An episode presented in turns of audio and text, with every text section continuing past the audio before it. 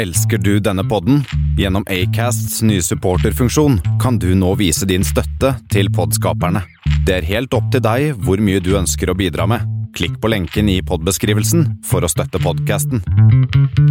Jeg føler at mye starter jo i deg selv, med at du er såpass fornøyd og tilfreds og glad i deg selv og trygg på deg selv, at du slipper å være en jævel mot de rundt deg, basert på dine egne usikkerheter. Me. It is God's love.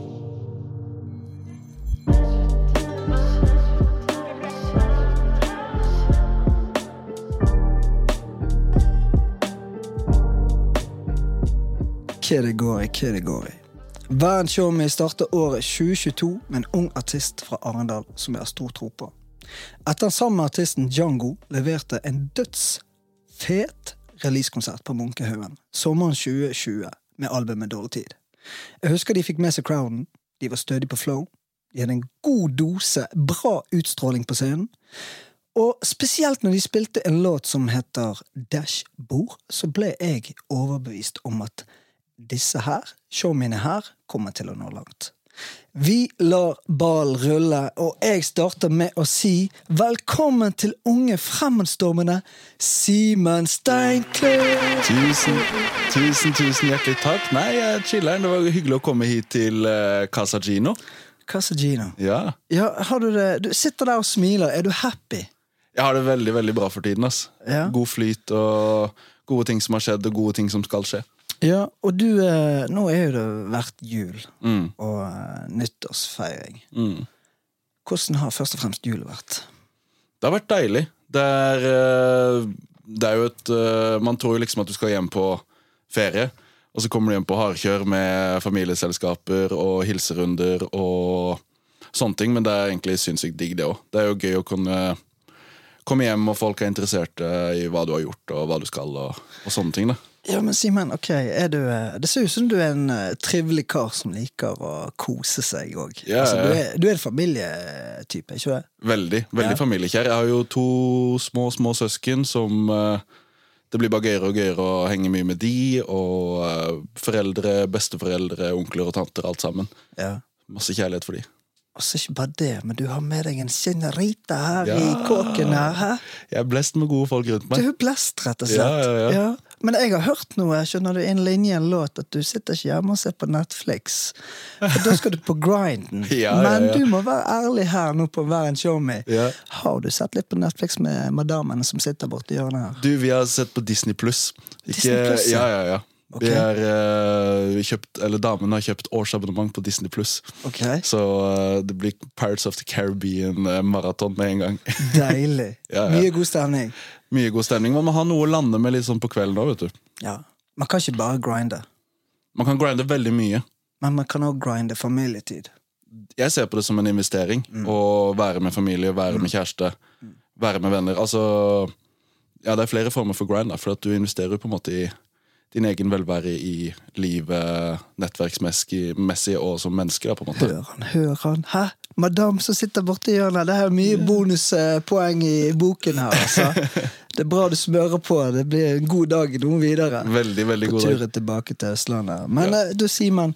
Uh, ok, jula har vært fin, og nå er det nyttår. Har du satt deg noen uh, de her såkalte nyttårsforsettene? 2022 er rett Mm, eh, Ikke rett rundt hjørnet, det er her nå. Ja, det er her. Um, jeg var veldig 2021 var et veldig bra år for meg. Uh, mye fordi at jeg gjennom 2019, 2020 og 2021 uh, jobba mye med liksom å etablere alle de tinga som jeg ville gjøre videre. Ikke sånn at jeg nødvendigvis ble ferdig med noen ting, men at jeg på en måte altså, Fra du er 17 til du er 20, så er det jo veldig mye sånn der eh, startfaser du skal gjennom. Og veldig mye sånn at du skal finne ut av hvem du er, og hva du skal gjøre, og hvordan du skal gjøre det. Og hvem du skal gjøre det med. Så det jeg har vært veldig heldig å på en måte få stabla på plass i 2021, er jo litt sånn uh, Hvem jeg er, og hva jeg skal gjøre de neste årene. Og litt sånn hvordan jeg skal gjøre det. Så eh, jeg veldig Jeg føler meg i en sånn veldig deilig posisjon nå, hvor jeg liksom vet godt hvem vennene mine er, jeg vet godt hvor familien min står, og jeg vet hvor jeg har kjærligheten, og hvem jeg jobber med på musikk, og andre ting. Og nå er det liksom bare kjør. Og liksom kommet inn i gode treningsrutiner og spise godt og alt det her. Shit, show min har ting på stallet! Ja, det er så deilig. uh, så det som er digg med 2022 nå, det er liksom at uh, i det året starter, så vet jeg akkurat hva jeg skal. Mm. Og jeg vet hvordan jeg skal det, og hvem jeg skal det med. Så nå er det bare kjør. Ok. Alle disse tingene høres jo dødsbra ut. Og eh, digger det. Se på hele deg, du, du tjener ikke om meg. I like måte. Da. jo, takk for det. Jeg har solbriller på meg Ja, i dag, så jeg tenkte det her må jeg bare eie. Så slipper de å se disse her fine posene under øynene. De nydelige øynene dine, Ja, tusen takk. Oh, man. Altså, nå, det her begynner bra. Det her begynner bra. Mhm. 2022, altså! Det her blir et godt år. Men du, ok, Simen, sånn litt mer sånn konkret, da. Har du noe veldig konkret eh, definert mål for 2022? Jeg skal slippe et album. Uh Ehm, jeg skal kjøre releasekonsert for det. Flere konserter. Jeg skal spille festivaler. Er du allerede blitt booket? Til noen. Okay. Til Det nå. er ikke, ikke altså. Det er, ja, Ja, altså. Sånn skral, skral vet jo alle Ja, ja. at det skjer. Uh, og så er det litt andre som er sånn halvbekrefta, og så er det litt som man må, man må ha litt juice og kunne annonsere utover også. Det er helt riktig. Mm. Noe god juice. Det, det er ikke feil. Nei. Altså Nyttårsforsettene mine i år er liksom eh, Ja, som sagt, slippe det albumet. eh, som jeg har sittet og kokt opp nå i desember og litt utover. Ja.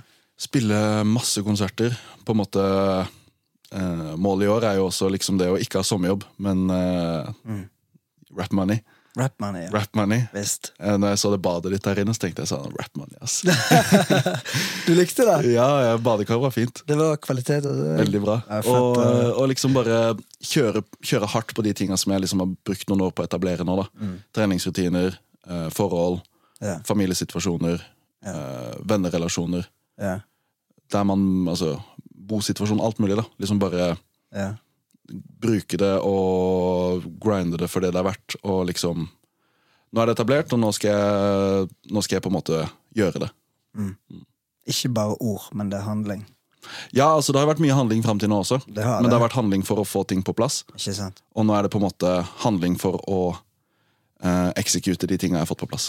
Nå har jeg lyst til å stille spørsmål. Mm. Noe jeg syns er dødsfett. Ikke sikkert du har tenkt så veldig mye over det sjøl, men du heter rett og slett bare som artist ditt eget navn. Du eier det. Ja. Simen Steinklev. Er eh, Hva er greia med det? For de fleste artister da som starter et løp og vil uh, lage sin karriere, de finner seg et uh, kunstneristisk navn. ja, Du sitter jo her nå sammen med en annen tjommi her som eh, har et helt annet navn.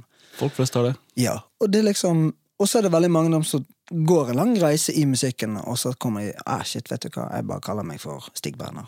Ja, for eksempel. Sant? Unge Ferrari, sant. Ja. Mens du har bare fra starten av, du bare kjører på med Simen. ja, det er det letteste å eie. Det er jo bare mitt navn. Ja, men hva ligger det i det? At du bare tar det og eier det med en gang? I starten så lå det Egentlig så syns jeg det var litt kjipt, fordi at jeg ville ha et artistnavn. Jeg ville hete et eller annet som kunne være liksom Ok, Så du har prøvd? Om jeg har prøvd? Jeg har vært på Rap Name Generator i timevis og bare trykk, trykk, trykk. trykk Ingenting som funker. Um, og første rappnavnet mitt, da, det var ikke et rappnavn, da, men uh, da jeg og liksom gutta rappa på ungdomsklubb i 2015-16 Ja. og lå ut litt sånn uh, låter over Tasha Beats på Soundcloud og sånne ting, så hadde jeg en Soundcloud-profil som het Nipperen. Nipperen? Nipperen. Det er okay.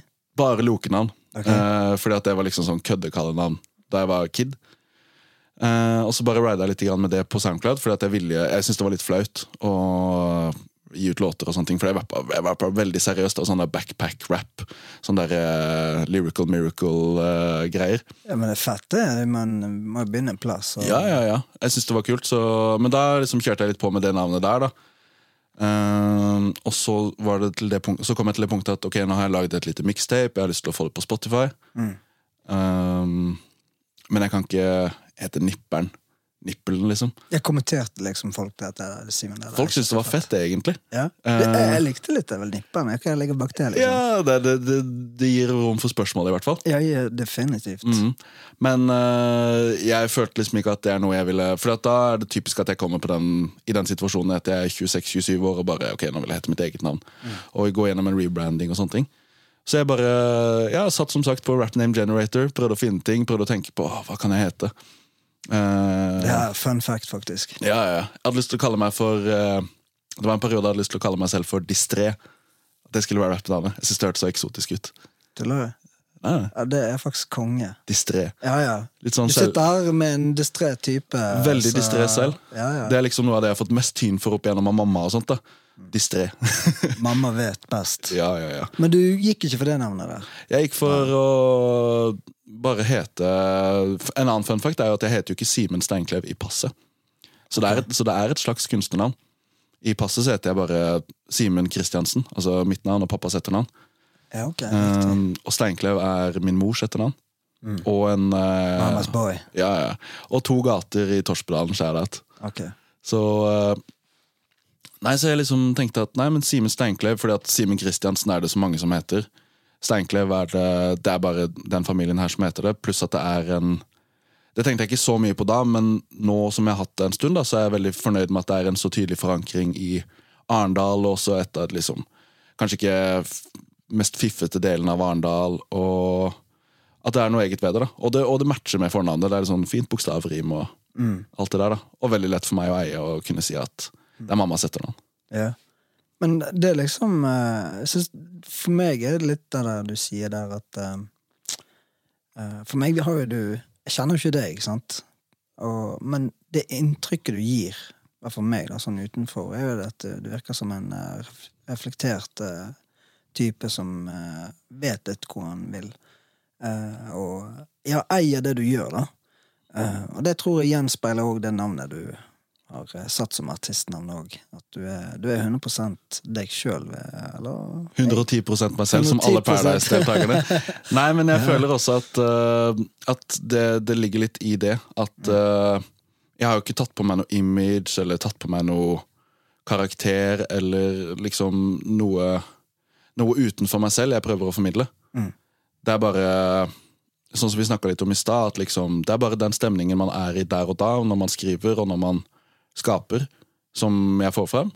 Og liksom bare mye hva jeg tenker og vil som person, som kommer gjennom musikken min. Og det er veldig mange som heter noe helt annet enn hva de egentlig heter, som gjør det samme. Men uh, når jeg uansett ikke fant noen passende rappnavn, så ble det veldig mye mer naturlig å bare være seg selv med sitt eget navn. Men lage noe som kan funke for det om, da. Men uh, det at du uh, er så bevisst på dette her, Mm. har, du, har dette vært en del av deg i ganske mange år? Har du alltid vært litt sånn eh, bevisst i de tingene du ønsker å drive på med? Ja, både og, sikkert. Uh, man har jo gjennom oppveksten prøvd og feila på mange ting uh, som man er keen på å drive med.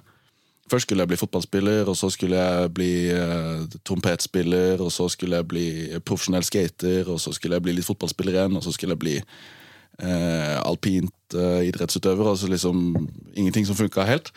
Eh, og så finner man musikk da, uten at jeg på en måte kommer fra noen sånn høymusikalsk hjem eller musikalsk bakgrunn eller noe sånt nå. Men at uh, det var der på en måte min skapertrang kunne kanaliseres best. da. Men sånn som med fotball, da. Mm. Hvor lenge holdt du på med det? Nei, det var ikke så lenge. Men uh, sikkert fra Fra jeg var sånn 7-8 til 13-14-årsalderen, kanskje. Og skatingen, var det det kom inn i bildet rett etter det? Ja, det var vel mer at jeg gikk fra fotball til skating. Så det urbane uttrykket på en måte var noe du ble tiltrukket av? Absolutt. Ja. Absolutt. Det er litt mer eh, Ja, litt mer det der individuelle, rufsete eh, Løpe fra vekter i parkeringshus og uttrykke seg selv litt mer individuelt. da Ja. At kanskje det trakk litt mer i meg. Mm. Mm. Men hva som gjorde at du eh, på en måte stoppet med de tingene? da? Var det at du ikke følte du ble god nok, eller var det, det at Jeg du var, jeg, var at dårlig, jeg var dårlig til å skate. Ja. Jeg lå mye i det. Du tok en ollie, i hvert fall. Ja, ja, ja. Ja. Og en sjelden kickflip, liksom. Ja, Men det var ikke så mye. Det er noe, det. Ja, altså, jeg var ikke der at jeg Altså, det funka, men det var ikke noe jeg på en måte eh, kunne drive jeg, Jo, jeg syns fortsatt det er gøy, men det var liksom ikke noe jeg ville drive så seriøst med. Jeg ville liksom finne én ting som er sånn Det her er mitt, og det er på en måte Dette er jeg god på, og øh, dette er jeg så god på at jeg burde gjøre noe mer med det. Siden jeg har alltid tenkt at jeg skulle gjøre et eller annet mer enn enn det vanlige løpet, bare med liksom gå på skole, ta en utdanning, jobbe i den jobben, ferdig. At jeg ville liksom ha et eller annet ekstra. Eh, og liksom da bare finne den ene tingen som jeg tenker at det er jeg god på. og gjøre det til det fulleste. Og da var det musikk som passa best. Ja, hvordan kom musikken inn i bildet her, da? I og med at du sier sjøl du kommer ikke fra en musikalsk familie, eller du har eh, hva, Hvor startet dette, da? Altså, Det starta vel egentlig bare med at jeg ble veldig fan av artister. Eh, og liksom fikk noen artister, og hørte masse på musikk, selvfølgelig. Som hvem, da? Uh, starta med at mamma putta meg på Michael Jackson, kanskje. Preach til mamma. Ja, ja. Eller big eh, shadow til mamma der, altså. Ja, ja, ja. Michael Jackson, det er samme her. Absolutt. Og, liksom, og det er sånn når du har Når du blir Michael Jackson-fan som ung, så har du på en måte lagt grunnlaget for at uh, hvor uh, sjuk en artist kan bli da, på det kreative. Eh, at hvis det er noe du har lyst til å strekke deg etter, og du får stjerner i øynene og bare sånn Oi, shit, det, det der vil jeg, liksom. Eh, og så fikk jeg på en måte Fant liksom hiphopen litt selv på YouTube, bare. Eh, jeg tror jeg var inne og så på Det var en, en gutt jeg lekte med da jeg var kid i sånn uh, 10-11-årsalderen, som hadde begynt å høre på Justin Bieber. Og bare 'Du må sjekke ut den der nye Justin Bieber-låta på YouTube'. Uh, sjekka ut den. Det var kult, det. Og så kom det opp en recommended eh, video etterpå, 'Hated or Love It' av 50 Cent og The Game. The game, ja. Hørte den, og så slutta jeg aldri å høre på den. Og bare da var jeg bitt av den basillen. Og eh, var jo i skatemiljøet, eller var på vei inn i skatemiljøet da. Og liksom ting begynte bare å stemme mer og mer overens, både med hvordan du ville kle deg, hvordan du tenkte på alt med sånn autoriteter og alt det der. Du fikk jo en skikkelig sånn fuck you-følelse til alt av vektere og politi og alle som sa at du ikke kunne skate her og sånt. Eh, samtidig som at det var den musikken mange hørte på. Og eh, ting på liksom, liksom bare smelta veldig fint sammen der. Men da lagde jeg ikke noe musikk selv, da. Da var jeg bare skikkelig fan, så jeg var jo bare veldig fan i mange år og hørte mye på rap og ble nesten sånn religiøst Mac Miller-fan etter hvert. Eh, for han relaterte, relaterte jeg veldig mye til. Liksom, Han heter noe som er ganske likt sitt eget navn. Lager bare musikk om sine egne refleksjoner. Og uh, er veldig sånn variert soundmessig, da, som også jeg prøver å være. Um, og så har jeg jo liksom som sagt liksom hatt denne lysten til å gjøre et eller annet ekstra og skape noe. Og liksom ikke nødvendigvis bli noe for at andre skal kunne se det, men på en måte eh, legge bak meg et eller annet som jeg kan se tilbake på at liksom, ok, shit, det der gjorde du, og du gjorde det ordentlig, og det var fett. Og da har jeg liksom vært glad i å skrive, sånn fra skolen av og sånne ting. Liksom skrevet tekster og skrevet fortellinger og liksom likt å bruke ord og formulere det. Ok. Og nesten sånn der smi sammen gode, gode setninger og dikt og alt det her, da. Er på ungdomsskole og videregående, eller Ja, ungdomsskolen, det var liksom der jeg begynte. Um, og så tenkte jeg at ja, det vært kult å gjøre det her på, på beats også, liksom. Og så uh, Det her er også en fun fact, men uh, i jeg tror det var i niende klasse på Stinta skole, Shoutout, så fikk vi en, uh, en på en måte liksom blanda skoleoppgave. da. Det var mellom musikkfaget, og så var det nynorsk. Og oppgaven var at du skulle skrive en sang og fremføre den.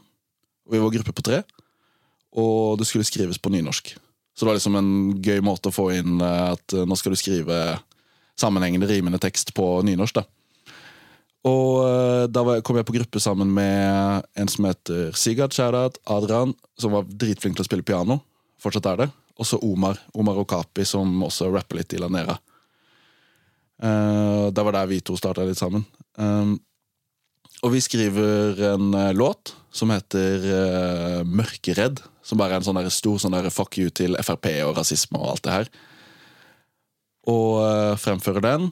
Og det var rap, da. Rap over noen sånne enkle pianoakkorder. Som jeg og Omar skrev litt sammen.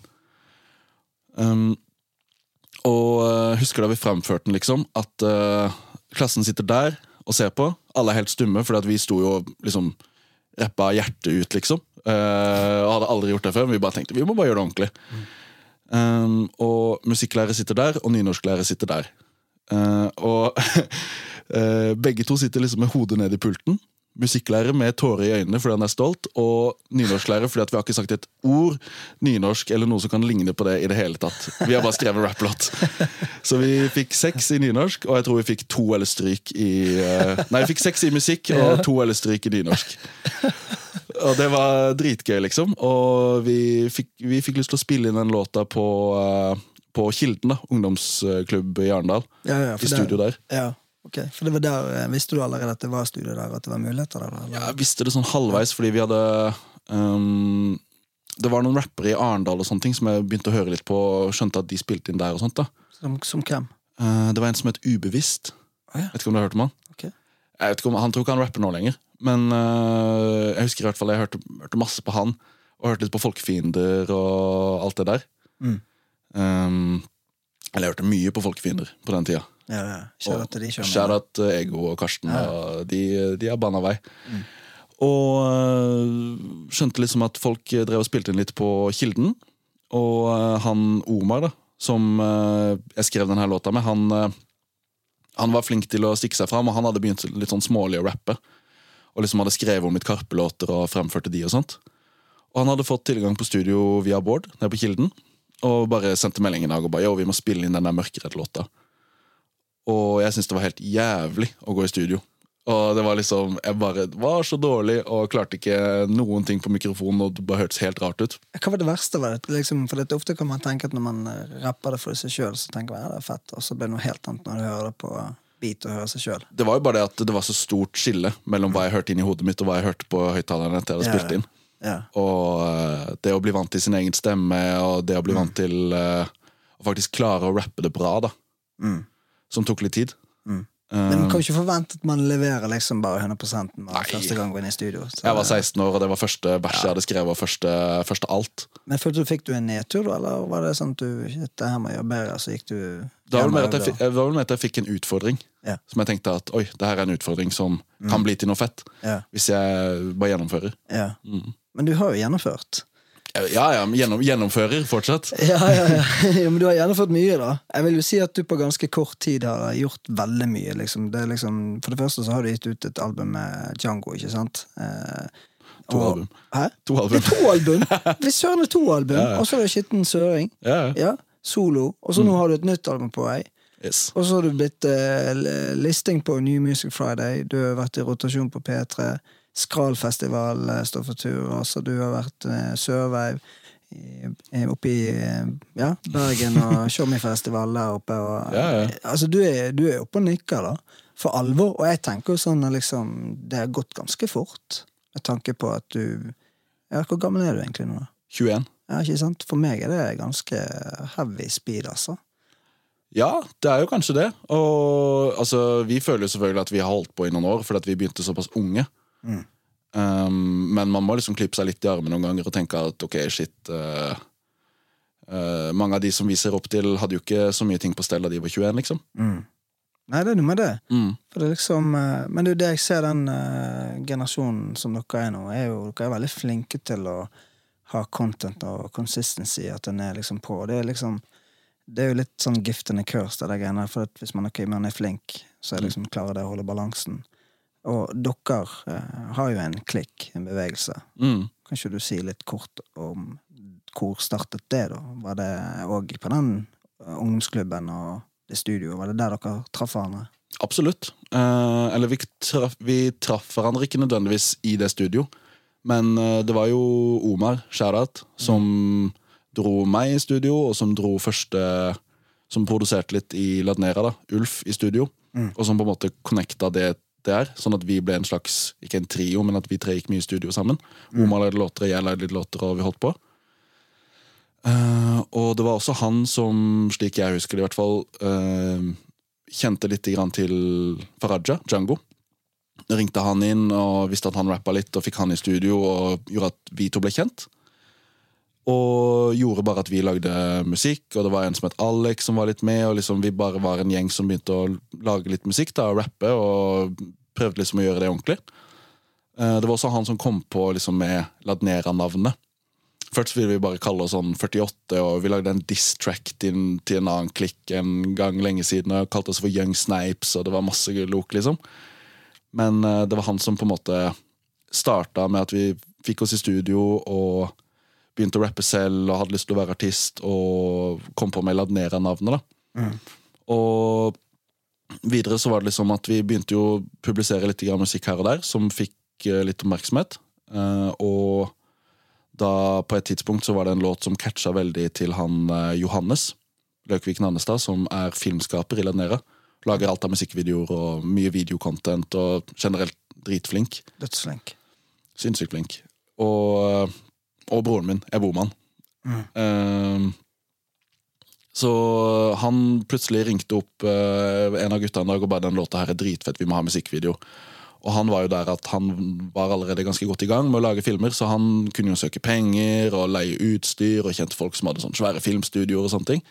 Så lagde svær produksjon av en musikkvideo der, og da rulla ballen, og vi begynte å bli gode venner, for det var veldig mye meg og han som likte å ta i et tak på prosjekter og sånne ting, og connecta litt over det. Ja, er du litt sånn typisk prosjektleder? eh? Ja, litt, men eh, sånn i Ladnera så er vi mange ledere, føler jeg. Ja, det er fint, fint sagt at dere er gode, en god showmegjeng som er bosser hele gjengen. Ja, ja.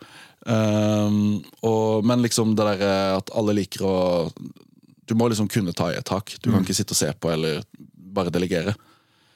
Um, nei, og så lagde vi eh, først den musikkvideoen til en låt av eh, en som heter Alex, og så hadde jeg en låt sammen med Faraja og Omar på beat av da Ulf. Det var liksom alle oss fire som på en måte ble Ladnera på én låt som het 48 brevvenner, og vi het Ladnera 48 på den tida, så det var liksom veldig mye sånn ok, det her er oss, det er så oss som det kan bli. Um, og den lagde Johannes en musikkvideo til, som ble helt Jeg syns fortsatt i dag at det er en av de feteste musikkvideoene Ikke der ute, men at det er fett, fordi at vi er så små, og vi er så opptatt av å være noe nyskapende. Og lite driter så fullt i hva som har vært før, og hva folk skal si, og sånne ting. Men det er litt viktig at du nevner det her nå, for at jeg har fått et sånt spørsmål som har kommet inn her, i forhold til det, liksom, at der du kan si litt om situasjonen på 48 Brevvenner-innspillingen. Mm. Så eh, det er fint at du er inne på det her nå. Mm. Det er en god ting. Ok, jeg Har du fått et spørsmål rundt det? Jeg har det. Ja, kan jeg si høre? litt om situasjonen. Om situasjonen Ja. rundt 48 brevvenner? Ja, ja, ja. Nei, altså Først var det jo det at vi eh, Det var en blessing å ha med Johannes på laget, for da skjønte vi at vi kunne søke penger og få penger til å lage prosjekter. Så vi hadde fått litt eh, offentlige støttemidler. Eh, fordi vi sa vi var eh, noen unge gutter som ville lage rappmusikk og musikkvideo og sånne ting. Frifond.no. Aust-Agder fylkeskommune, skjer at Oi, oi, oi. De, har de penger her, altså? De hadde i hvert fall. De hadde De hadde. Um, og fikk god hjelp til å skrive søknad og sånne ting. Vi hadde sikkert ikke klart det selv. Um, og så hadde jeg Jeg hadde jo fylt 18 og hadde lappen og sånne ting. Og hadde en sinnssykt fet bil på den tiden. Uh, Saab 9000, klasse. CEC, turbo, skinnseter, mahogniinteriør. Alt det der. Feit turbo. Ja. Og øh, den var sliten av det. Det var, det var liksom gamle familiebilen som jeg hadde arva av pappa. Men den så jo så syk ut, og det var ingen som hadde sånn bil, og den bare var en hel vibe. Så du er en del av reggerkulturen? På ingen måte, men ja, okay. den bilen gjorde, meg, øh, gjorde at jeg fikk respekt for det. Ja. For jeg skjønner hvorfor folk digger å sitte i bilen hele dagen. Ja, ja, ja. Um, og vi hadde denne låta som hørtes ut som ingenting annet, og vi hadde denne bilen som så ut som ingenting annet, og vi kom fra en by som ikke så ut som noe vi følte var representert på, i rap. da. Og uh, vi hadde fått penger, så vi bare sånn, ok, shit, nå kan vi leie ordentlig kamerautstyr. Som Johannes visste hvordan han skulle bruke det. Vi kunne kjøpe litt klær som vi tenkte var fett i musikkvideoen, så alle kjøpte sånn der uh, Folk gikk ikke med baggy bukser på den tida, men vi kjøpte sånne der, uh, blå, svære baggy cordflail-bukser. Alle sammen et par størrelser for store. Og eh, liksom så ut som sånn tre gamle matroser. Og eh, kjørte rundt i den her Saab 9000, tok den inn på et jorde. Um, vi, og det var masse folk som gikk tur der. Det er et, jeg vet ikke om du kjenner til Bijordene her i Arendal?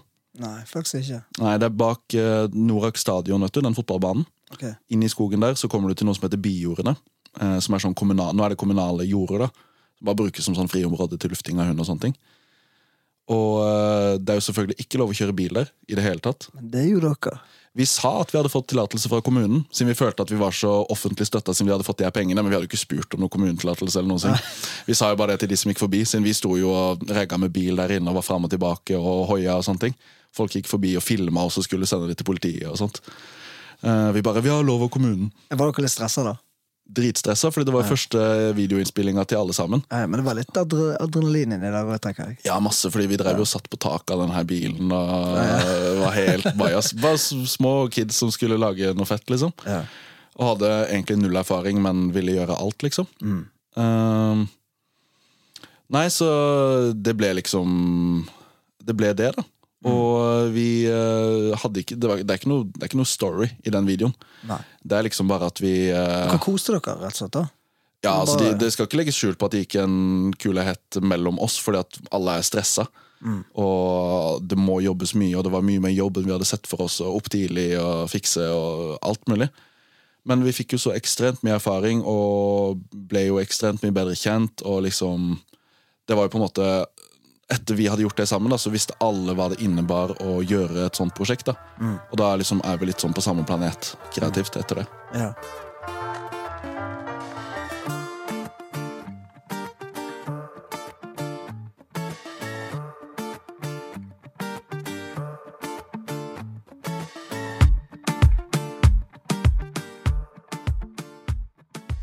Men det liksom, hva vil du si har vært nøkkel i, i og med at dere har klart å det, Dere har hatt et fellesskap der og, og drar hverandre fremover.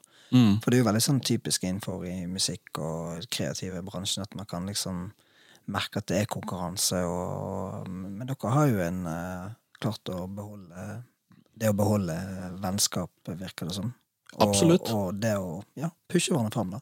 Ja, altså liksom I rap så er det jo, som du sier, veldig ofte konkurranse. Og vi har jo sikkert hatt det, vi òg. Liksom, men litt mer sunn konkurranse. da Jeg blir dritglad når Omar eller Faraja får til ting, og at det går bra. Sam, på samme måte som at de blir det for min del.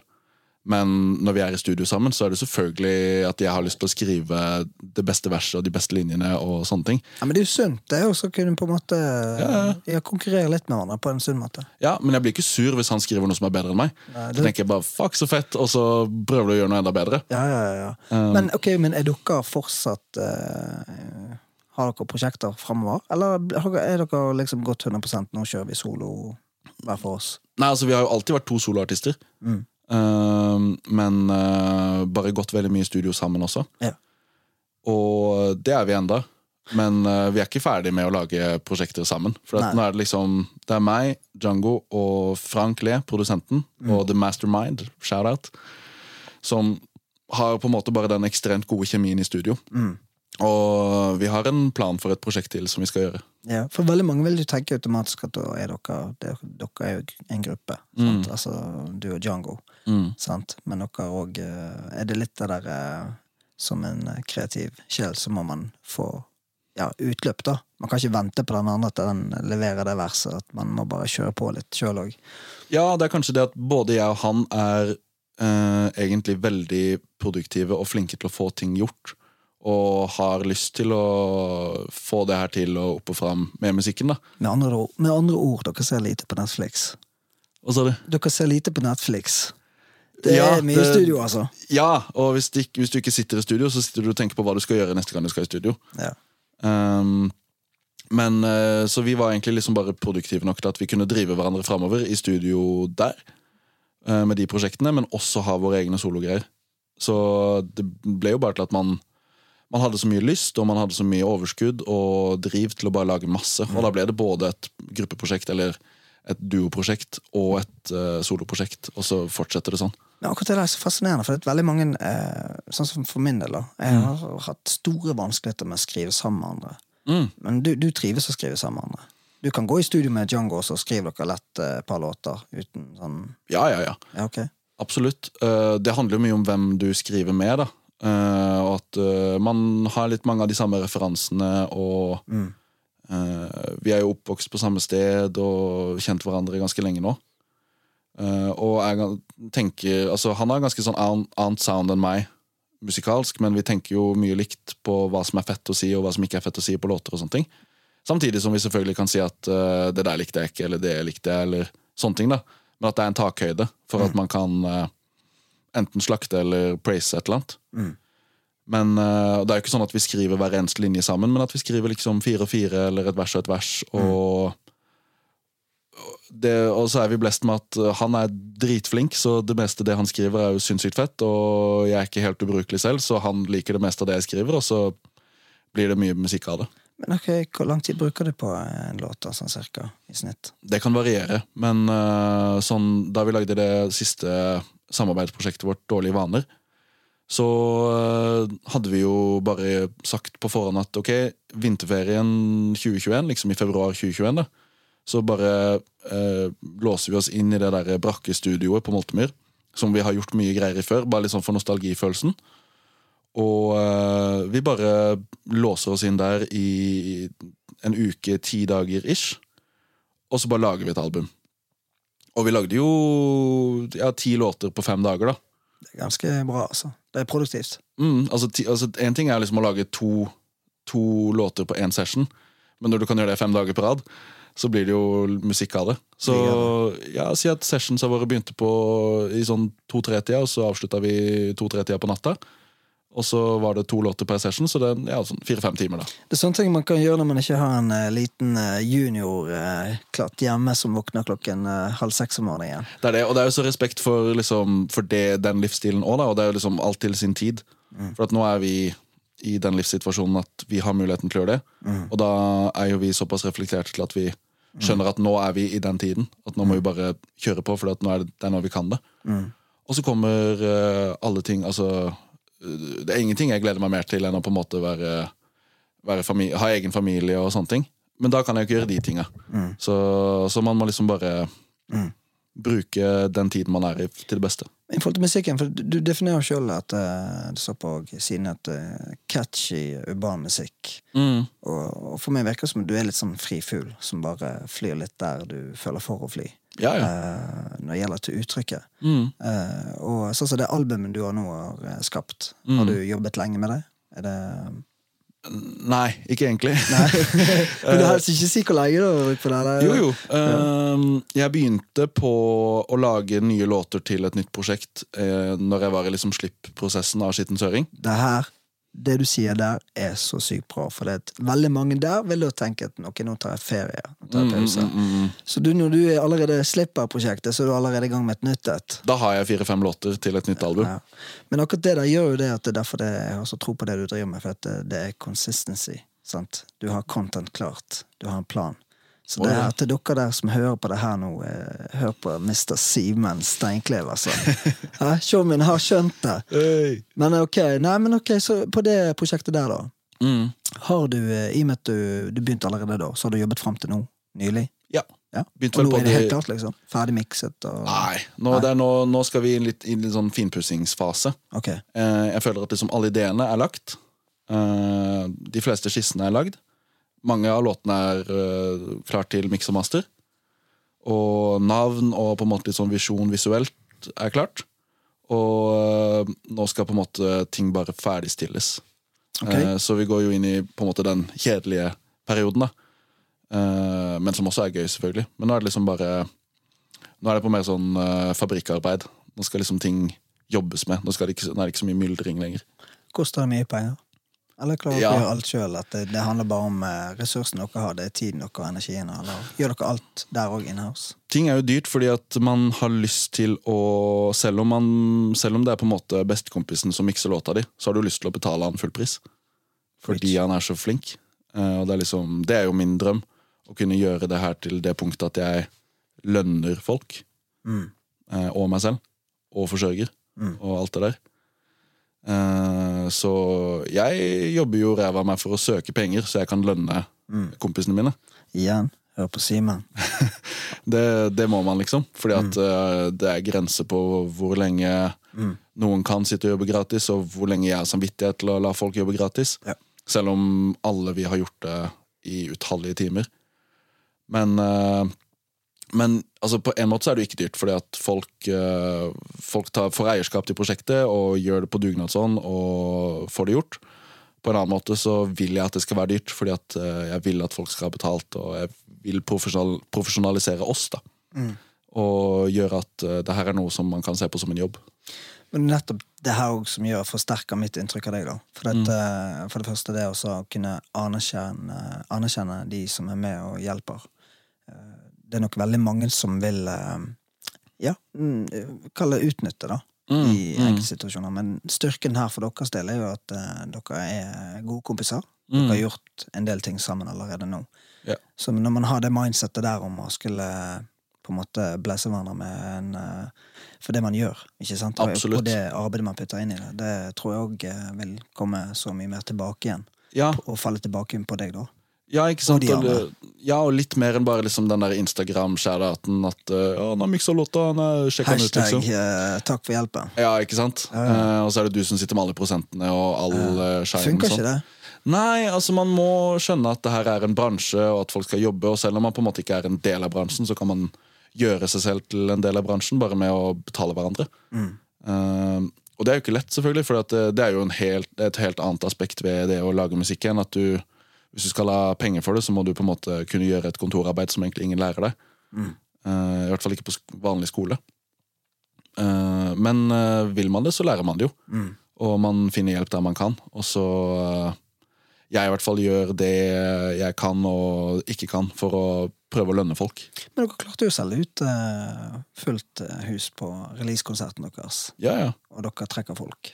Og dere leverer. Må jo det. Ja. Takk. Så da er det Ja, men det er fett å se.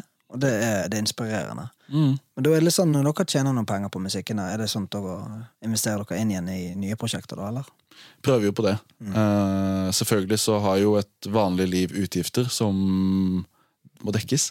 Absolutt. Uh, ikke at jeg er den som går mye på byen, eller noe sånt, men uh, det har jo blitt litt Det har blitt mye innenlandsflyvning det siste året til Trondheim, og ting som skal kjøpes og sånne ting, men uh, Jeg tror hun her i hjørnet her er veldig glad for at du prioriterte. det. det er jo en annen investering igjen. Det er en veldig viktig investering. Kanskje den aller viktigste. Ja, det er det viktigste. Ja, det er det. det, er det.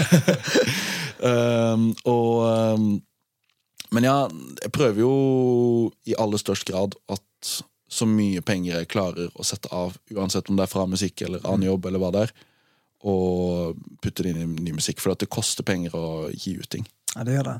Og så investerer du i ditt eget brand. 100 Sant? Du investerer, og det, det er liksom det der Jeg håper bare folk fatter hvor stor blessing det er faktisk det å kunne bygge sitt eg, sin egen eh, Hva skal jeg kalle sin Sitt eget selskap? Sitt eget, eh, Ja, sitt eget potensielt levebrød. Ja, legacy og Legacy og- alt det der. Ja, og Det er derfor jeg også, som vi om nå, begynner å bli mer og mer glad i at jeg bare heter mitt eget navn. Simen Steinklev. Enkeltmannsforetaket mitt heter det, liksom. Og alt er liksom bare ting jeg kan knytte til meg selv uten noe gimmick. Du har til og med det på G. Du har foretaket registrert. og Må jo det, sende er ikke fakt- bare sende Det er ikke på gatenivå, altså. Nei, vi sender faktura Ja, det er ryddig. Ja, ja, ja. Ryddig showme. Vi betaler skatt. Ja, det er godt å høre. Ok, Men ok, hva inspirerer deg, da? Du, du, du lager mye musikk nå. sant? Du, Ja. du har en sinnssyk evne til å være produktiv, sånn som jeg hører her mellom linjene. Men Thank hva er det som inspirerer deg? Mm, selvfølgelig mye av den musikken som jeg hører på. Uh, Ja, Hvilken musikk hører du på nå, da? jeg hører mye på Jeg hører mye forskjellig. Men jeg, er liksom jeg, hører på som, jeg hører veldig mye forskjellig, som jeg sier. At liksom Jeg elsker Westside Gun, og jeg elsker Emilie Nicolas. Uh, Den ser jeg. så det er liksom begge retninger, og mye imellom. Jeg hører mye på Rick Ross, Mac Miller, Drake. Eh, mange av de store, uh, men også mye sånn der eh, random greier som hun over her har putta meg på. og og sånt da, og så plukker man bare litt sånn inspirasjon her og der. Kanskje de sier én linje som bare inspirerer deg skikkelig. Og så er det ikke sånn at du skriver den linja, men det fikk deg til å tenke en tanke som skriver det, og så skriver du videre, og så plutselig så har du en låt. Eh, og selvfølgelig at man skriver bare mye ut ifra sitt eget liv. Det, og det er jo også det som gjør at det er veldig mye lettere for meg å bare eie det jeg gjør. da. Fordi at eh, mesteparten av det jeg skriver, er bare basert på mine egne tanker og refleksjoner om eget liv og hva jeg har rundt meg. Men har du opplevd noen eh, tøffe ting i livet som har du puttet inn i musikken? Jeg kan virkelig ikke klage på oppvekst eller noe sånt noe. Ehm, selvfølgelig så har det vært uh, Du skal liksom gjennom en sånn derre uh, frasprellingsfase i oppveksten din. Hvor du prøver å gjøre mye dumme ting og ting som du ikke forteller hjemme. og alt det her. Eh, men jeg har på en måte aldri hatt noen vanskelige forhold og, som jeg kommer fra. Jeg har hatt liksom verdens beste mor, verdens beste far, besteforeldre, onkler og tanter. Gode folk rundt meg hele veien. Og trygge rammer. Så jeg har ingenting å klage på der. Der er bare masse takknemlighet. Eh, men jeg har jo på en måte kanskje vært veldig spenningssøkende. Og eh, Arendal har jo på en måte sine skyggesider hvor du hvis du har lyst til å inn i et miljø, inn i et miljø så er det veldig lett å komme inn i et miljø. Uh, og så gjør man kanskje mye rart inni der, da. Ja, For du har jo eh, stokket til Oslo. Ja, Er det veldig mye mest på grunn av at ok, musikkbransjen det er jo der hovedstaden er? Uh, eller er det òg en kombo med at det blir um, Det er for mange skyggesider her i Arendal som gjør at du føler at du kanskje ikke kan vokse som en artist her? Og, både på privaten eller i musikken? Begge deler, kanskje? Ja, altså Jeg vil si like mye som person, som artist, Mm. med tanke på det å vokse. da Utvide horisonten litt. Grann. Mm. Um, jeg elsker Arendal, og det er alltid digg å komme tilbake hit. Og jeg må ha et eller annet sted i Arendal når jeg liksom skal lande igjen. og sånne ting Et sted du kan eh, ta bil ut og Ja, regge litt? Grann. En Saab 900 som Vi bare... bruker ikke ordet regge, kanskje? Vi heller ut og cruise? Jeg sier cruise, ja. Cruise, ja, ja, ja. Jeg skjønte det. Men eh, sånn i hvert fall i ungdomsåra og sånne ting, så har det vært veldig viktig og veldig bra for meg tror jeg, å komme meg litt sånn andre steder. Og det kunne vært hvor som helst, men Oslo var jo veldig gunstig der, med tanke på at mange av de jeg jobba med, flytta dit, og det er der ting er litt for det jeg vil gjøre. Um, og liksom at da eh, kommer man også litt ut av gamle takter som kanskje har vært litt stagnerende. da. At uh, på et tidspunkt, når du kommer opp i en viss alder og liksom ja, er nesten der at du skal lande litt igjen, så kan jeg i hvert fall følte at jeg stagnerte veldig. At jeg liksom uh, Jeg var ferdig på videregående Shit, sorry. Bare si det går bra, jeg klipper bare vekk. Ja, jeg var ferdig på videregående. Uh, tenkte at nå skal jeg ha et friår. Uh, jobbe litt, spare opp litt penger. Uh, jobba med telefonsalg, shout-out. Uh, gikk på jobb 94 hver dag. Likte ikke jobben så godt.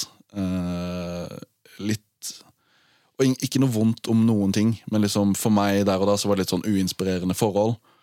Og øh, føler, at, føler at du på en måte gjør ting som ikke er noe utvikling i. da Når jeg på en måte ikke føler at jeg går fremover med et eller annet, enten det er meg selv eller noe du utfører, eller noe som helst, så blir jeg helt sånn Da går det i lås, liksom. Og det var jo det det året etter videregående på en måte var for meg. da Eh, og det var jo sånn at hver dag gikk jeg bare mer og mer tenkte på at jeg skal vekk, jeg skal vekk, jeg skal opp, jeg skal ut herifra, liksom. Og, så, og så får jeg liksom etablert det, da. Og da på en måte bare flyter alt sammen så mye lettere. Mm. Så uh, for meg, sånn med å komme meg ut av Arendal, er på en måte uh, For at jeg, jeg beholdt, beholder jo mange av de samme vennene. For at de har, samme tankegang som meg, men at de også må liksom ut en vei. Men at eh, man får litt sånn change of scenery, som er sunt. Og at man eh, får litt nye utfordringer. Og at man eh, på en måte Det blir veldig mye lettere å få eh, litt sånn fristende og dumme miljøer på avstand. Og bli kjent med nye folk som på en måte kan se deg som noe unikt. da Men syns du det å komme til Oslo at er det utfordrende Er musikkbransjen utfordrende? Ja, For det er jo men- veldig mange som kjemper om den samme pokalen. Absolutt, men eh, jeg prøver egentlig ikke å tenke så veldig mye på Selvfølgelig så tenker man på det. At liksom eh, det skjer, og de blir signert, og bla, bla, bla.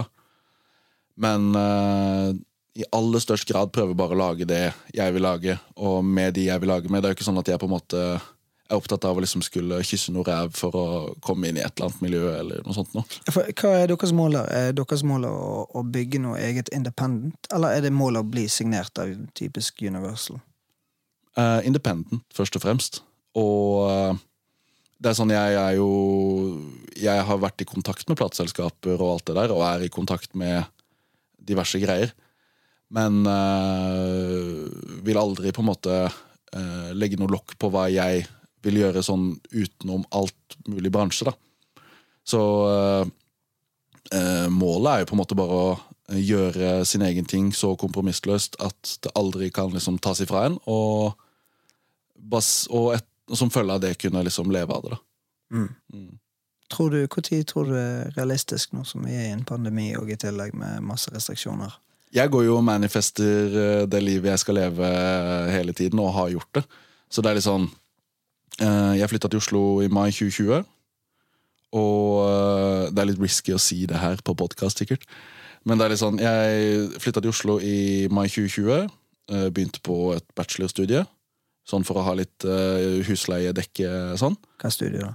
Uh, musikkvitenskap og medievitenskap. Fett. Så det passer veldig godt med det jeg gjør. Og uh, det er treårig løp, og var liksom da litt sånn i gang med musikken, og tenkte at uh, innen jeg er ferdig på det studiet her, så skal ikke jeg inn i noe jobb. Da skal jeg rappe og gjøre det. Og så gjøre det så lenge det går. Så bruke de tre åra her i Oslo med lån og stipend på bare å få det opp og gå. Og eh, seile, seile ut av universitetet med bachelorgrad og rappkarriere fremfor en annen karriere. Da må man være produktiv òg. Da må må det. man jobbe og lage mye musikk. Så er du, Hvor mye er du i studio nå, da? Mye. Uh, men jeg bare, jeg kjenner jeg må tisse. We, we need a break! We need a break. Ok, ja, men da gjør du det. Kan jeg gå og tisse? Ja, ja. Ta nøkkelen. Stor kaffekopp. Nei, men Simen, ok, så du har satt deg et mål nå. Ja. Ok, Når du er ferdig nå å studere, da er du oppe og nikker med musikken. Og da skal du klare å generere nok til at du kan eh, ja, leve av det, rett og slett. da. Det er målet. Det er målet. Det er målet. Så øh, øh, Og det er litt digg å ikke tenke sånn der øh, Plan B, plan C, liksom. Ja, men også liksom det der at jeg skal være verdensstjerne i morgen. Men at jeg skal være Jeg skal kunne leve av musikk innen halvannet år. Med talentår. Ja, det blir jo det, da. Det er det, det- det, det, er her igjen. Men så er spørsmålet liksom, sant? Man kan jo definere liksom, ok, hva vil det si å leve da? Ikke sant? For det er veldig mange måter man kan òg klare å leve eh, bra hvis man gjør det sinnssykt bra. Man kan òg leve bra, selv om man kanskje ikke har eh, ja, så og så, så mye penger i lommeboken liksom, hver måned. Men eh, jeg tror i hvert fall uansett så er det veldig viktig og veldig bra å sette seg et konkret mål. Ja. For det, setter du et konkret mål, så er du uansett på vei mot det målet. Ja, ja. Så om tre år, om du kanskje ikke er helt fornøyd, ja, men ok, da stepper du opp, da. Så tenker du ja, men ok, jeg har i hvert fall kommet såpass langt. Så eh, Absolutt. nå har du òg en god støttespiller i uh, Madammen og showmiene dine. Absolutt. absolutt. Jeg er igjen veldig blest med de jeg har rundt meg. Ja. Så det er jo mye av det som også gir meg troa på at det kan gå. Ja. Um, Ja, selvfølgelig skal det gå. Du har jo allerede kommet eh, ut med allerede mye. Og du har allerede fått en, eh, en anerkjennelse hos eh, både, i, både i form av listing og festivaler vil bokke deg. Så, men hva, så, hva du tenker som gjør at du skiller deg ut fra andre artister? Det er jo mye det vi har snakka om, liksom at uh, jeg er jo bare meg selv. Og alle mennesker er heldigvis unike. Og at uh, jeg er litt frittflytende sånn uh, soundmessig, hva jeg snakker om. Kanskje har en uh, refleksjon som ikke så veldig mange andre har. Uh, og høres altså Når jeg hører på min musikk, så hører jeg liksom veldig ofte når jeg sitter i studio at ok, det her ligner ikke på noe av det jeg har hørt før. Men Jeg er jo tydelig inspirert, selvfølgelig, men det funker, og det er fett. Og det er liksom Det er ikke likt noe annet. Så det er sånn Det er mye mulig at jeg må bruke litt lengre tid på å på en måte åpne opp alle de dørene jeg vil. Men at når jeg i hvert fall har åpna de, så er det med noe som er bare mitt. da Men jeg tenker en ting som jeg la merke til, i hvert fall på releasekonserten, det var smilet ditt. Ja, ja. Ah, Gino. Ah, det, det har eh, bromance på høyt nivå. ja, altså. man må det. Men det jeg vil fram til her For det at når du smiler fra scenen, det smitter jo òg publikum, ikke sant? Og du, du var flink å bevege deg på scenen. Altså, det var tydelig god flow, stødig på scenen. Og når man har på en måte en utstråling, Takk. så tror jeg har, det har veldig mye å si, det. Sant? For det er veldig mange som er nye i gamet og gjerne står på scenen og er helt skamdyktige til å uh, rappe, da. Men de gjemmer seg litt vekk. Jeg følte du var veldig med på å invitere crowden med inn i din verden. Ja. Eh, og det tenker jeg er noe som gjør at du skiller deg litt ut fra andre, da. Allerede nå som en ung eh, 21-åring Tusen takk. som er da. det er jo kjempefint at du sier, i og med at live er hovedinntekten. Eh, Det er akkurat det, så alle dere som driver med booking, eh, book eh, Simen Steinkløv, og ikke minst Django-gjengen òg. Men eh, Simen her, eh, han har, eh, han har det.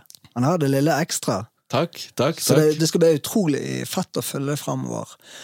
Jeg har, jeg har fått inn et uh, annet spørsmål i forhold til, tilbake til Du nevner at du slipper et album. Ja. Uh, når kommer albumet i 2022? Sa vi noe om det? Eller sa du noe om det? Nei, men jeg har uh, satt litt sånn deadlines og målsetninger på at jeg skal begynne å slippe singler i løpet av sommeren. Og slippe albumet før høsten har blitt altfor kald. Ok.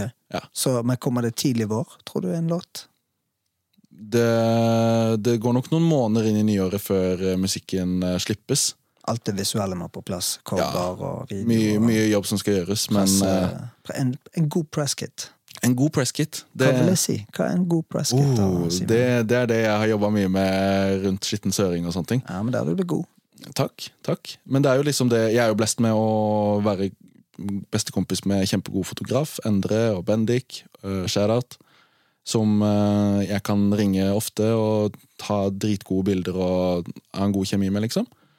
Eh, så det er det, liksom. Få noen bilder som både Både er catchy, men også liksom du er stolt av selv. Og uh, ha nok, inn, nok innhold, og så bli smart på når du skal putte ut innholdet. Og uh, være deg selv, og liksom ikke ha sånn derre Jeg ble så lei av liksom det å ha sånn derre konstruerte upersonlige captions på ting og sånne ting. Bare, bare skriv det som det er en melding. Og eh, samtidig som du er dritproff i de pressemailene du sender. Litt mer folkelig, kanskje. Ja, litt er folkelig. Litt på, og det, det er òg igjen mitt inntrykk av deg. da Du Mm. har litt beina litt sånn på bakken. Jeg prøver jo det, og, eh, og det blir det mye lettere for meg å være og gjøre det her òg, da. Så det å selge inn en historie når du har en låt til Agderposten, eller Mm. det National Rap Show eller P3, Mm. så ikke det, det må ikke være en supertrist historie. Det er en super-happy historie. Det er bare Det må ikke være VG-overskrift, men uh, det må bare være noe som jeg genuint kan stå for å fortelle om. Mm. Som også du hører i musikken. Mm. Og uh, jeg tenker at når jeg på en måte har hatt det i livet mitt, så har sikkert mange andre også hatt det. Og hvis jeg klarer å formidle det på både en folkelig, men også interessant måte, så, så vil noen plukke det opp etter hvert. Og det har jeg jo vært heldig med at noen har, da. Et, sånn innimellom. Ja, ja, visst det, absolutt. Men hva kan vi forvente på det neste albumet, da? Um, enda mye mer uh, uh, forskjellige sounds. Jeg hadde jo ganske mye Det var en liksom Det var en del forskjellige lydbilder på Skitten Søring, og det blir det jo nå også. Samtidig som det er litt mer sånn kontinuitet i det. Men uh, alt er jo nå uh, grunnprodusert med meg i rommet eh, på hele skiva. Fett. Så jeg har liksom fått veldig mye mer sånn innspill i hvordan ting skal høres ut, helt ned til miksing av snare, liksom. Mm. Og uh, har vel en mye klarere plan nå på hva jeg skal formidle tekstmessig. Mm. At liksom uh, Nå har jeg en litt sånn bredere, men også mer konkret beskjed, da, på en måte. Eller beskjed og beskjed, men på en måte et eller annet jeg følte som jeg ville snakke om. Ja. Som jeg snakker om. Mm. Eh, På Skitten Søring så var det jo på en måte bare det å lage en slags grunnmur med at dette er meg. Det er derfor det også heter Skitten Søring. Okay. Men er også på en måte en sånn liten miks av hva jeg liker å gjøre. Ser ganske rein ut her du sitter, da. Takk. Men uh, man, man, har jo, man har jo alle sin bagasje, liksom. Ja, ja. Og, uh, men da på neste album så er det liksom uh, Jeg føler det er en veldig sånn fin formidling av en oppfølger til Her er jeg, og nå skal vi dette. Så det albumet som kommer, da, det her blir world announcement, men det heter Først skal vi leve. Og eh, Fett. Fikk vi tittel her altså, på podden? gjorde det, altså. Fy flate. Du fortjente det, Gino, du fortjente jeg, det. er- jeg er ydmykt eh, takknemlig for uh, what an honor, eller hva jeg skal kalle det. Ja, men jeg For en ære. Ja, men jeg er takknemlig bare for å være her, så jeg setter pris på det. Så man må gi og ta, ikke sant? Ja, ja. Si navnet en gang til. Tittel, folkens. Hør, hør, hør nå. Først skal vi leve. Yes. Hva innebærer det? Det innebærer så mye, og vi måtte nesten hatt en egen episode for å snakke om det. Eller så kan dere heller glede dere til albumet, og så kan dere heller danne dere en eh, tanke og refleksjon over hva mener Simen om den tittelen. Mm. Og mye hva en selv mener om den tittelen. Ja. Uh, hva betyr at først skal vi leve for, for deg, liksom? Ja. Uh, for det betyr jo så mye forskjellig for mange forskjellige, og det er mange aspekter ved det å leve, og det er mange faser i livet, og det er mange forskjellige liv og skjebner der ute, og liksom Men vi har det livet vi har, liksom. Det er sant. Er du god, til å, er du god på å leve i nuet? Jeg prøver. Eh, men man er jo ofte der at man går og venter på ting, lengter etter ting, eller sånne ting. Men at uh, man Hva lengter du etter? da? Nei, altså Lengter etter eh, økonomisk frihet. Rap money. money. rap money. Lengter etter eh, Ikke Altså, jeg er jo i den fase hvor jeg liksom ikke er der at jeg Jeg skjønner at jeg ikke skal ha stabilitet, men man på en måte jobber jo mot en slags stabilitet. Lengter etter madammen og alt det der. Shit, det er mye pluss i boken din. her Altså. Skårer høyt her nå. Jo, jo, men det er sant òg. Ja. Men øh, for all del, lev i nuet. Og det er liksom påminnelse til meg selv også. Mm. At først skal vi leve, og vi lever nå. For det er noe med det. Vi Mm. vet jo ikke hva som skjer i morgen og neste uke. Vi, vi, vi, jeg tror vi er, litt, vi er så godt vant at vi, ting flyter, liksom. Ja, og øh, man er så opptatt av av øh, hva man skal gjøre når man er 50, og hvordan livet skal se ut da. Og øh, Sånn at du nesten glemmer hva som skjer nå, og liksom Ja, på en måte bare stoppe opp litt og se hvem du har rundt deg, og hva du gjør dag til dag, og og hva du gjør i morgen og alt sånt, liksom. Og bare fokusere på at uh, hver dag er faktisk en fest hvis man gjør den til det. Mm. Og, Preach. ja, og liksom, for min del er liksom Altså, hver dag er ikke en fest i og med at du Det at du er ute og drikker, eller at du ja, gjør et eller annet festrelatert, da. uh, hver dag, men at du liksom bare finner gleden i å enten drive deg selv fremover, eller være med gode folk, eller Madammen. Ja, ikke sant? Hva er det du egentlig skulle si nå? ikke? 100 Ja. Nei, men ok, i det, da, er det litt sånn der eh, Ja, det å leve nuet. Men uh, igjen, da. Jeg, jeg vil si noe her, sånn som jeg eh, Jeg tenker litt på det du har sagt nå. Mm. Så for meg framstår som en eh, person som skiller seg veldig ut fra veldig mange kreative kjeler. For veldig mange kreative er, blir jo veldig fort egoistiske. Mm. Men sant, du sier du er opptatt av å kunne lønne de som hjelper deg. Du er Mm. opptatt av å kunne gi noe til de andre. Det så jeg òg når jeg så releasekonserten deres. Sant? Du inviterer folk inn i ditt univers. 100 Så, så at du er en kjempeegoistisk fyr, det tror jeg ikke. Kanskje noen ganger. Men jeg, eh, nei, jeg føler du er en eh, raus eh, type. Hva sier damen her? Er det et lite nikk der, eller? Ja. Det er et nikk der. Tommel opp. Jeg føler Men, jo jeg føler at jeg får veldig mye av min egoisme ut i bare den selvdyrkingen der å skrive egne låter i eget navn. Og det er nok for meg. Det er liksom nok. Det er ikke sånn at uh, jeg må ha og ha og ha, men jeg får liksom dyrka meg selv på den måten. da Ja. Og da har jeg på en måte nok tro og kjærlighet til meg selv. At eh, det, da dekkes på en måte mitt egoismebehov. Ja. Siden alle har jo et egoismebehov, 100 eh, men jeg er så heldig at jeg kan dekke mitt med å skape et eller annet. Ja. Nå skal jeg runde av her med å gå inn på det her mine faste spørsmål. Yes, det her var utrolig hyggelig. Ja, og, og det er litt sånn her Du snakker om livet. Mm. De fleste i livet finner en eller annen ting man tror på, eller noe som driver en. Ja. Tror du på Gud? Uh, jeg er veldig sånn udefinert på hva jeg egentlig tror på. Uh, jeg tror uten tvil på noe større enn meg selv. Om det er uh, klassisk bibelhistorie, eller om det er noe helt annet, eller om det er noe midt imellom. Det vet jeg egentlig ikke selv. Jeg tror jeg er litt for ung til å ha på en måte en klar definisjon på det. Men jeg vet jo for en fakta at eh, ting skjer utenom min kontroll, men som man også kan prøve å kontrollere, og at man manifesterer, og man på en måte har Jeg tror på karma, og jeg tror på en himmel, og alt det her, da. Og at man eh, med å putte ut god energi får god energi tilbake. 100 Mm. Hva betyr ordet suksess for deg? En kombinasjon av eh, frihet i flere former. Økonomisk, eh, men ikke først og fremst økonomisk, men først og fremst sånn relasjonsmessig. At du liksom Du er med de folka du vil være. Um, Mm. Og ha gode relasjoner, og kombinert med et uh, behagelig liv hvor du gjør det du vil, og føler at du hele tiden utvikler et eller annet. da. Utvikling er liksom keyword for min velvære. Det er velvære. suksess for deg, altså. Ja, at ting liksom At du skaper noe, og du utvikler et eller annet, og at du på en måte Ja, ikke sant. Jeg fikk, jeg fikk liksom jeg, jeg følte at jeg stagnerte i et halvt år, og det var nok for meg, liksom. Jeg vil liksom ikke stå og stange i et eller annet. Jeg vil liksom få, få et eller annet uh, framover. Uh, om det er mm, meg selv, fysisk eller psykisk, eller et eller annet prosjekt, eller hva det enn er. Det kan være å bygge en hytte, og det kan være å lage et album, eller bare et eller annet som skal liksom skapes og dannes. Hva vil det si å være en tjommi, for din del?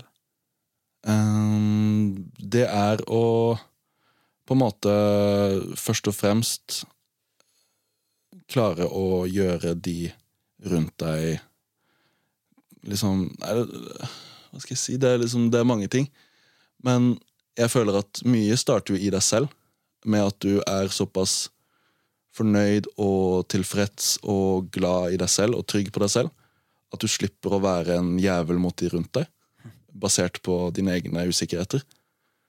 At uh, du må liksom Du må liksom bare ha etablert et par ting i din egen hjerne. og så bruke den gode energien for alt den er verdt på de rundt deg. Og ønske de rundt deg godt, og liksom Ikke sant, Som jeg snakka om, at jeg vil lønne de som jobber med meg, og vil liksom ha gode relasjoner til familie og alt det der. At du på en måte bare Du er bare ute etter det beste for folk, og, det, og deg selv. Uh, og verken glemmer deg selv eller de rundt deg i noen situasjoner. Uh, og at mye av det starter liksom i din egen velvære.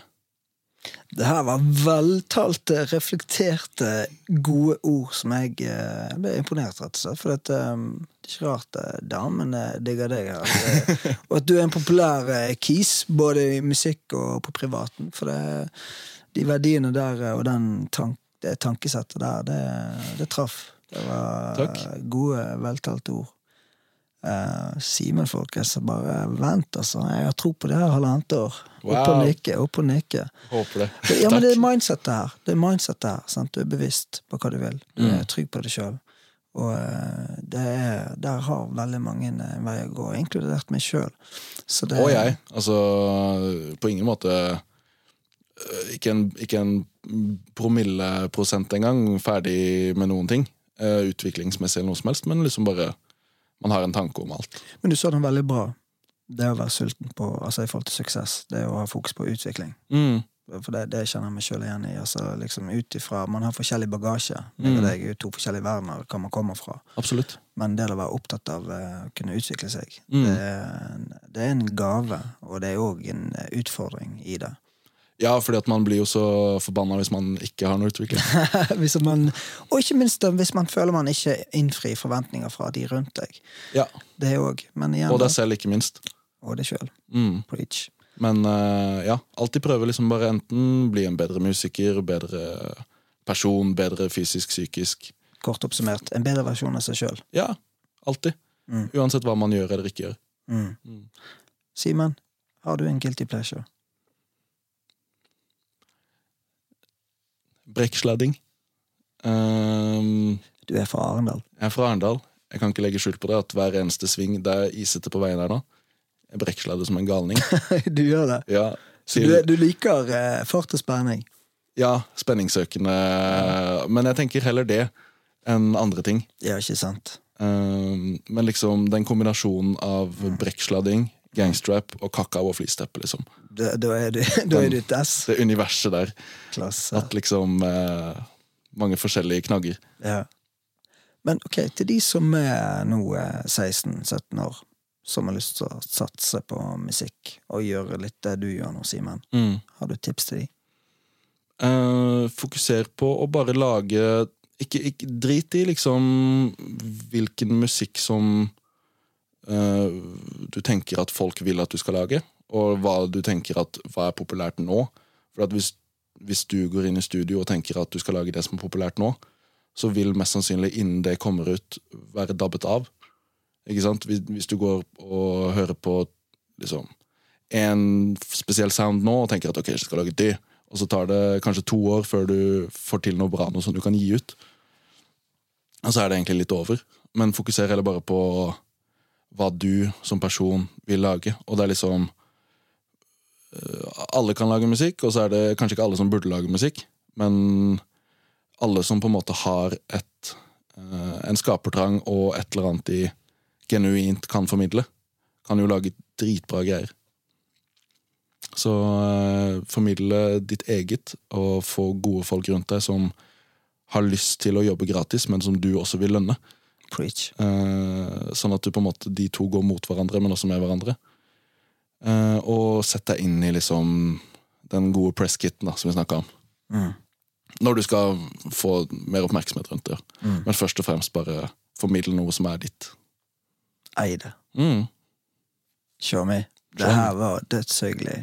Det her er rett og slett eh, Simen Steinkleve, folkens. Og det er ikke bare fremtiden, det er nåtiden. Så er det sykt fett å følge framover. Thank you. I likeså. Jeg gleder meg til mer Vær en Tjommi. Vær Tjommi er over og ut her og nå. Simen, Peace. bless up. Thank you.